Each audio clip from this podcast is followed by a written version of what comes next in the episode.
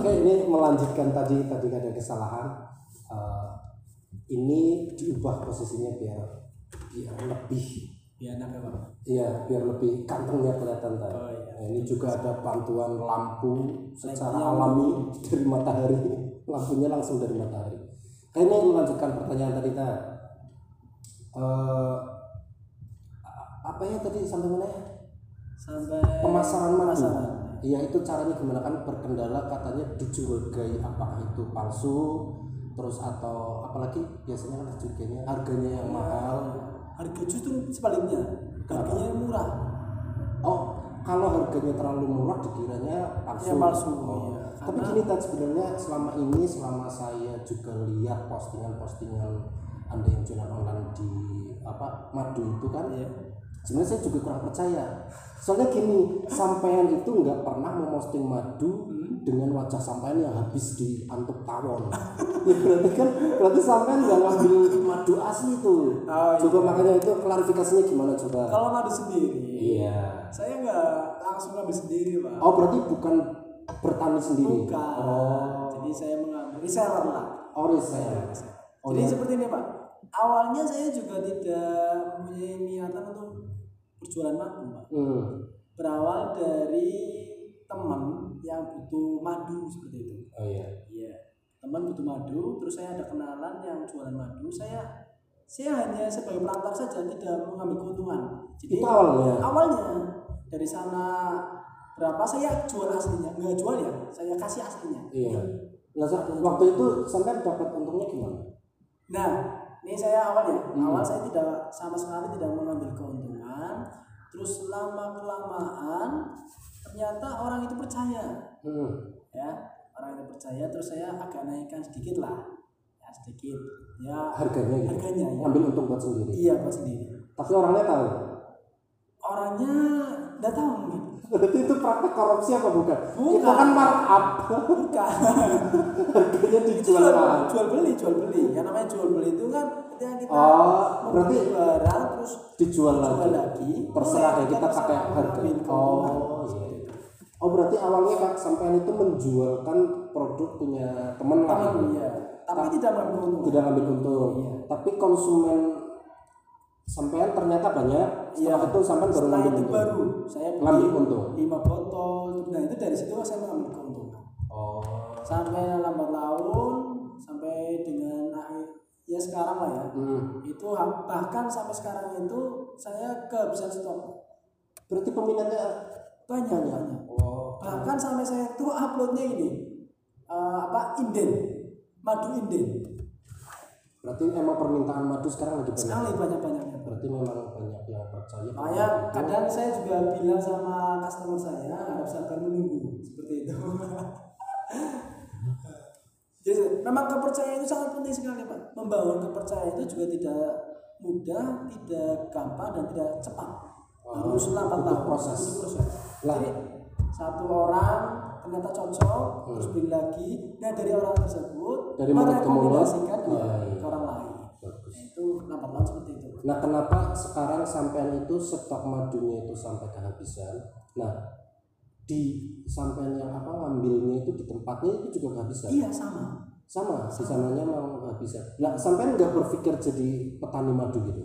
Kan ini stok lagi di sama sekali belum mbak kan karena memang ini ya memang apa namanya pekerjaan utama saya sebagai atau peneliti, jadi tidak sempat lah tidak ada waktu untuk Oh, karena waktu aja ya. Iya.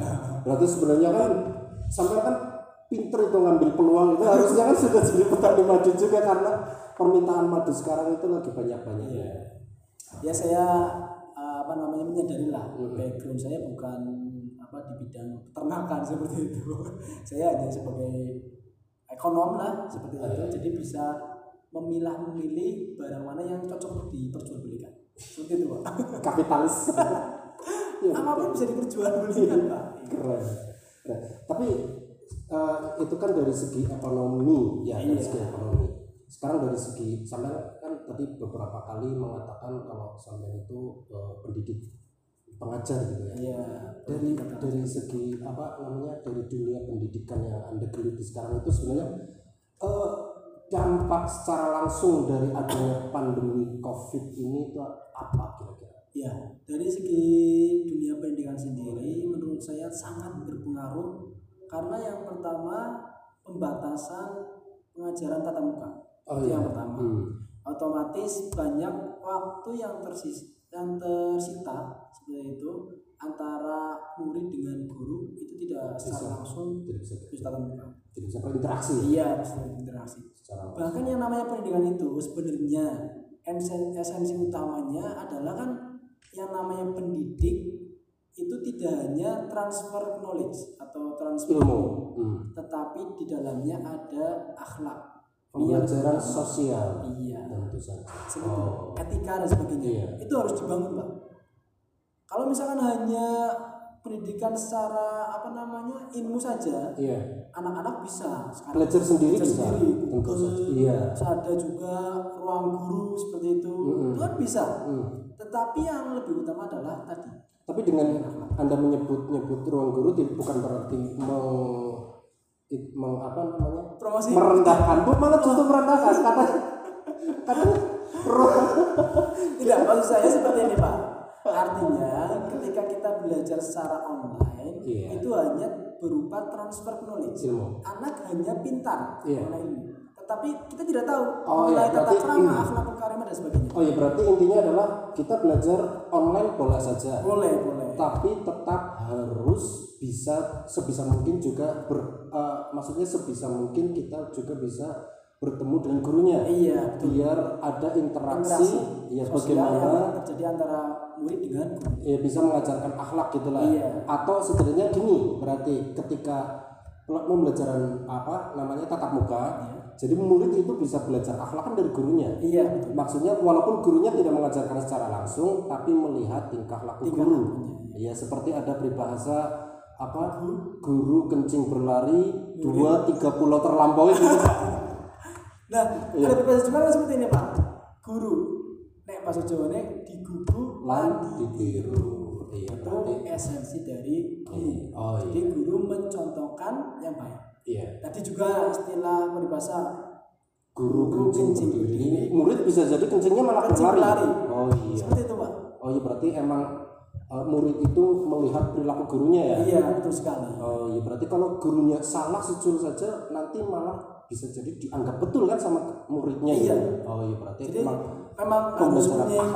kehati-hatian ketika kita menjadi seorang pengajar atau pendidik. Seperti itu. oh iya. Harus mencontohkan yang baik Hmm. walaupun tidak secara lisan. Kadang anak justru berkesan ketika melihat dari tingkah lakunya atau kepribadiannya, Iya. bukan dari lisannya. Hmm. Kalau dari lisan, anak disuruh sekali bisa nurut, tetapi tidak bisa berkepanjangan.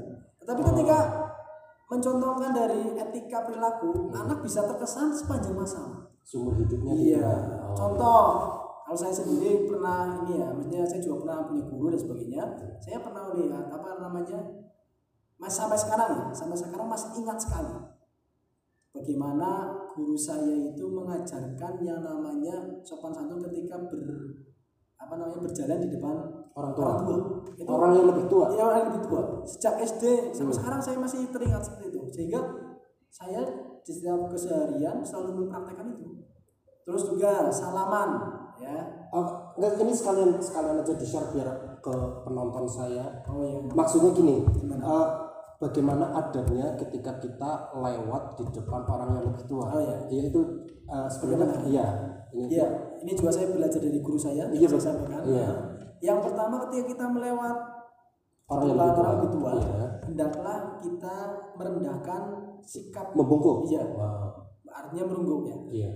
membungkuk dan juga dengan sapaan permisi Hmm. atau apa namanya kalau bahasa Jawa Punten. punten ya Amit biasanya juga amin, amit. tapi jangan di double Jangan dua kali amit amit. Iya. itu jadi itu minimal etikanya Iya. ketika berkendara Mhm. minimal menurunkan kecepatan Oh iya. ya menurunkan kecepatan terus kalau tidak sapa dengan lisan pakai klakson nggak masalah nah Oke. itu bisa Nah, tapi ini ada pertanyaan lagi ketika kan sebagai seorang pengajar nih, bagaimana strategi atau apa namanya ya? Namanya apa ya? Sebenarnya gini lah, pokoknya intinya gini. Kita kan ngajar. Iya. kita ngajar serius banget misalnya sampai serius banget semuanya eh, segala metode sudah kita keluarkan tapi anaknya nggak pinter-pinter nggak tetap aja nggak mutung itu gimana? Ya, ya. kalau yang kayak gitu? Jadi saya sendiri dalam mengajar mener- menerapkan prinsip bahwa saya hanya berfungsi sebagai mentransfer, Iya. mentransfer. Yang namanya mentransfer itu kan kadang ada yang bisa menerima dan ada yang tidak bisa menerima.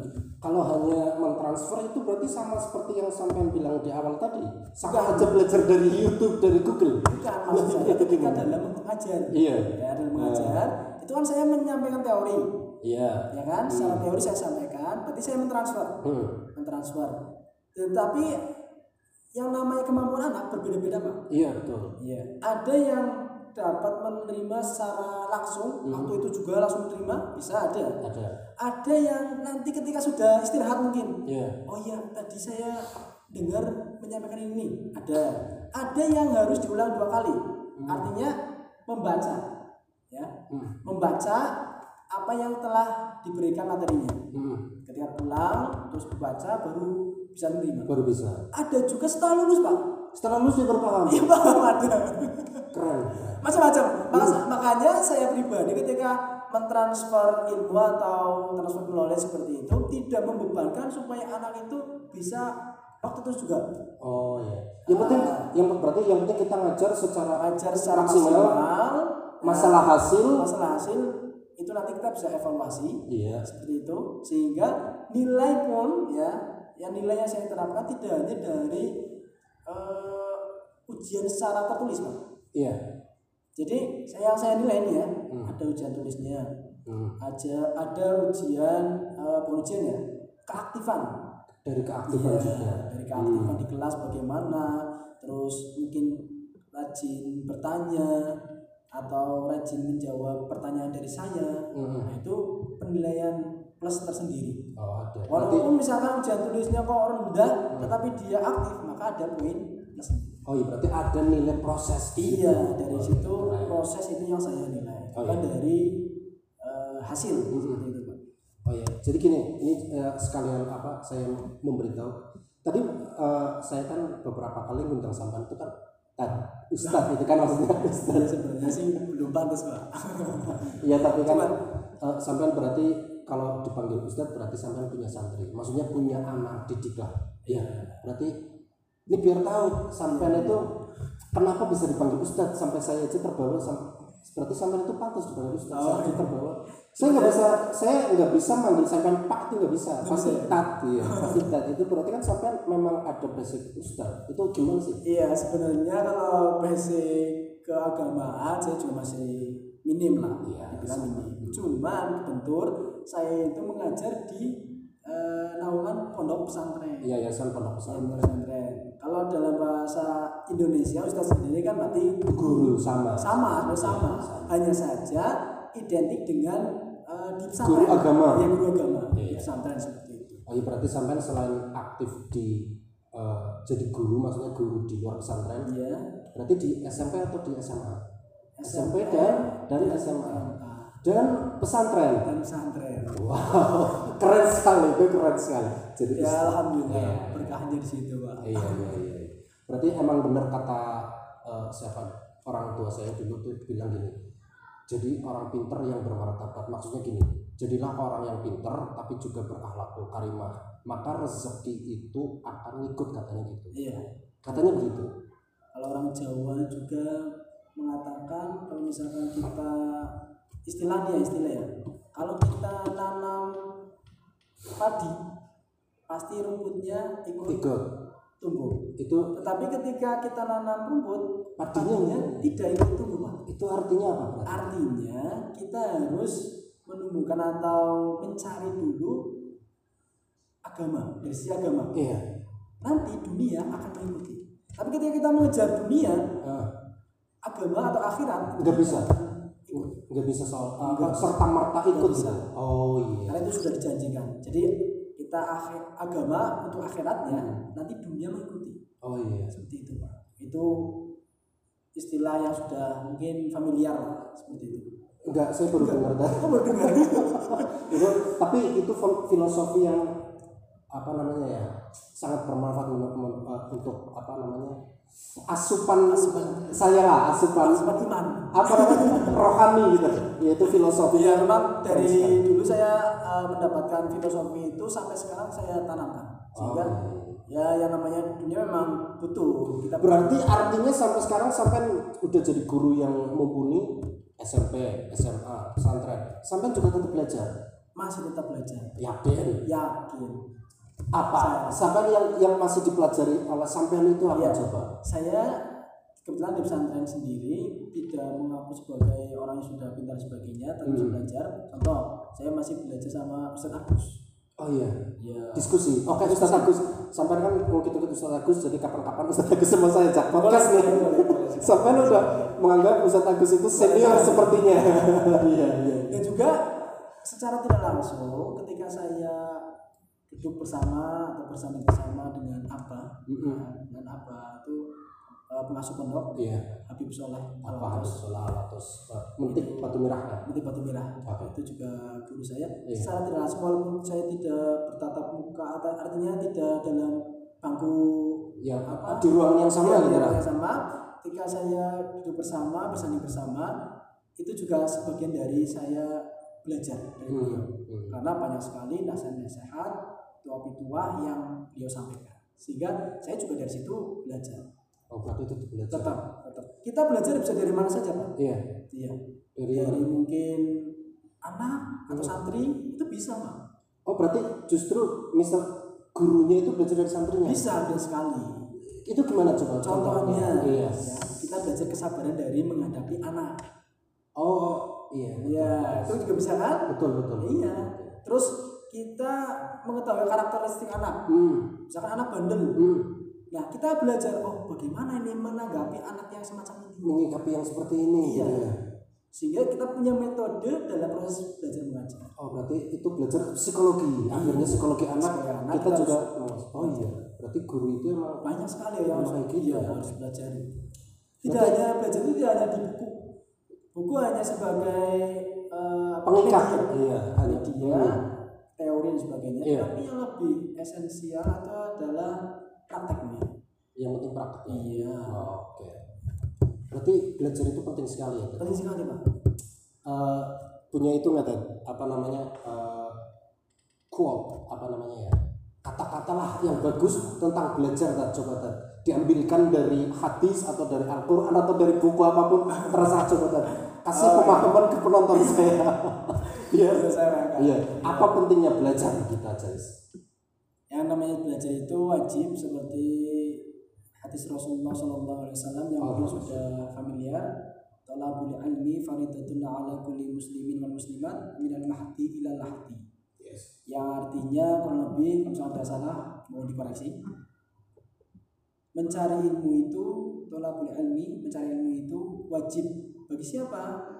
Minal muslimin wal muslimat. Muslim laki-laki Laki maupun perempuan. Minal lahdi ila lahdi.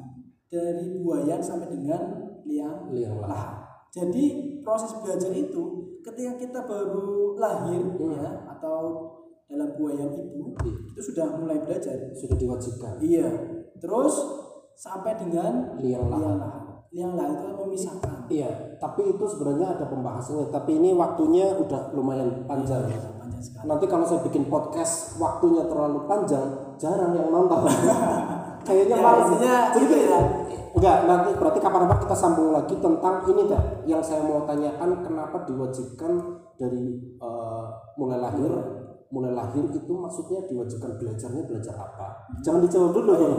Dan sampai liang lahat, liang lahat kan otomatis orang itu sudah meninggal. Iya. Kenapa juga masih diwajibkan belajar? Jangan dijawab dulu, itu nanti saja. Itu ini Iya, waktunya iya. sudah sudah eh, terlalu panjang ya. Ya, ya, nanti itu saja pesan dari saya. Kita sama-sama belajar, terus-terus belajar. Oke, terima kasih. Terutama belajar mengenai ilmu agama.